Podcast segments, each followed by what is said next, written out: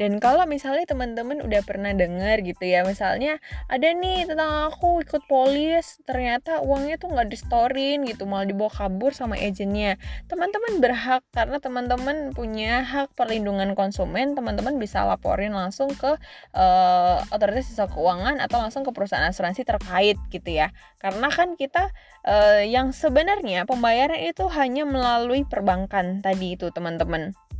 Dan juga uh, di Prudential sendiri with or without agent, teman-teman sebenarnya bisa klaim sendiri gitu. Nah ini kemudahan nih, kemudahan untuk teman-teman. Faktanya adalah seperti ini, ketika kita punya polis, kita bayarnya tadi itu udah lewat auto debit bank ya, otomatis kan track recordnya jelas ya. Dari rekening koran itu jelas. Kemudian kita bisa lewat lewat mobile banking itu seperti itu. Dan juga dari aplikasi Prudential sendiri sudah ada rekordannya juga.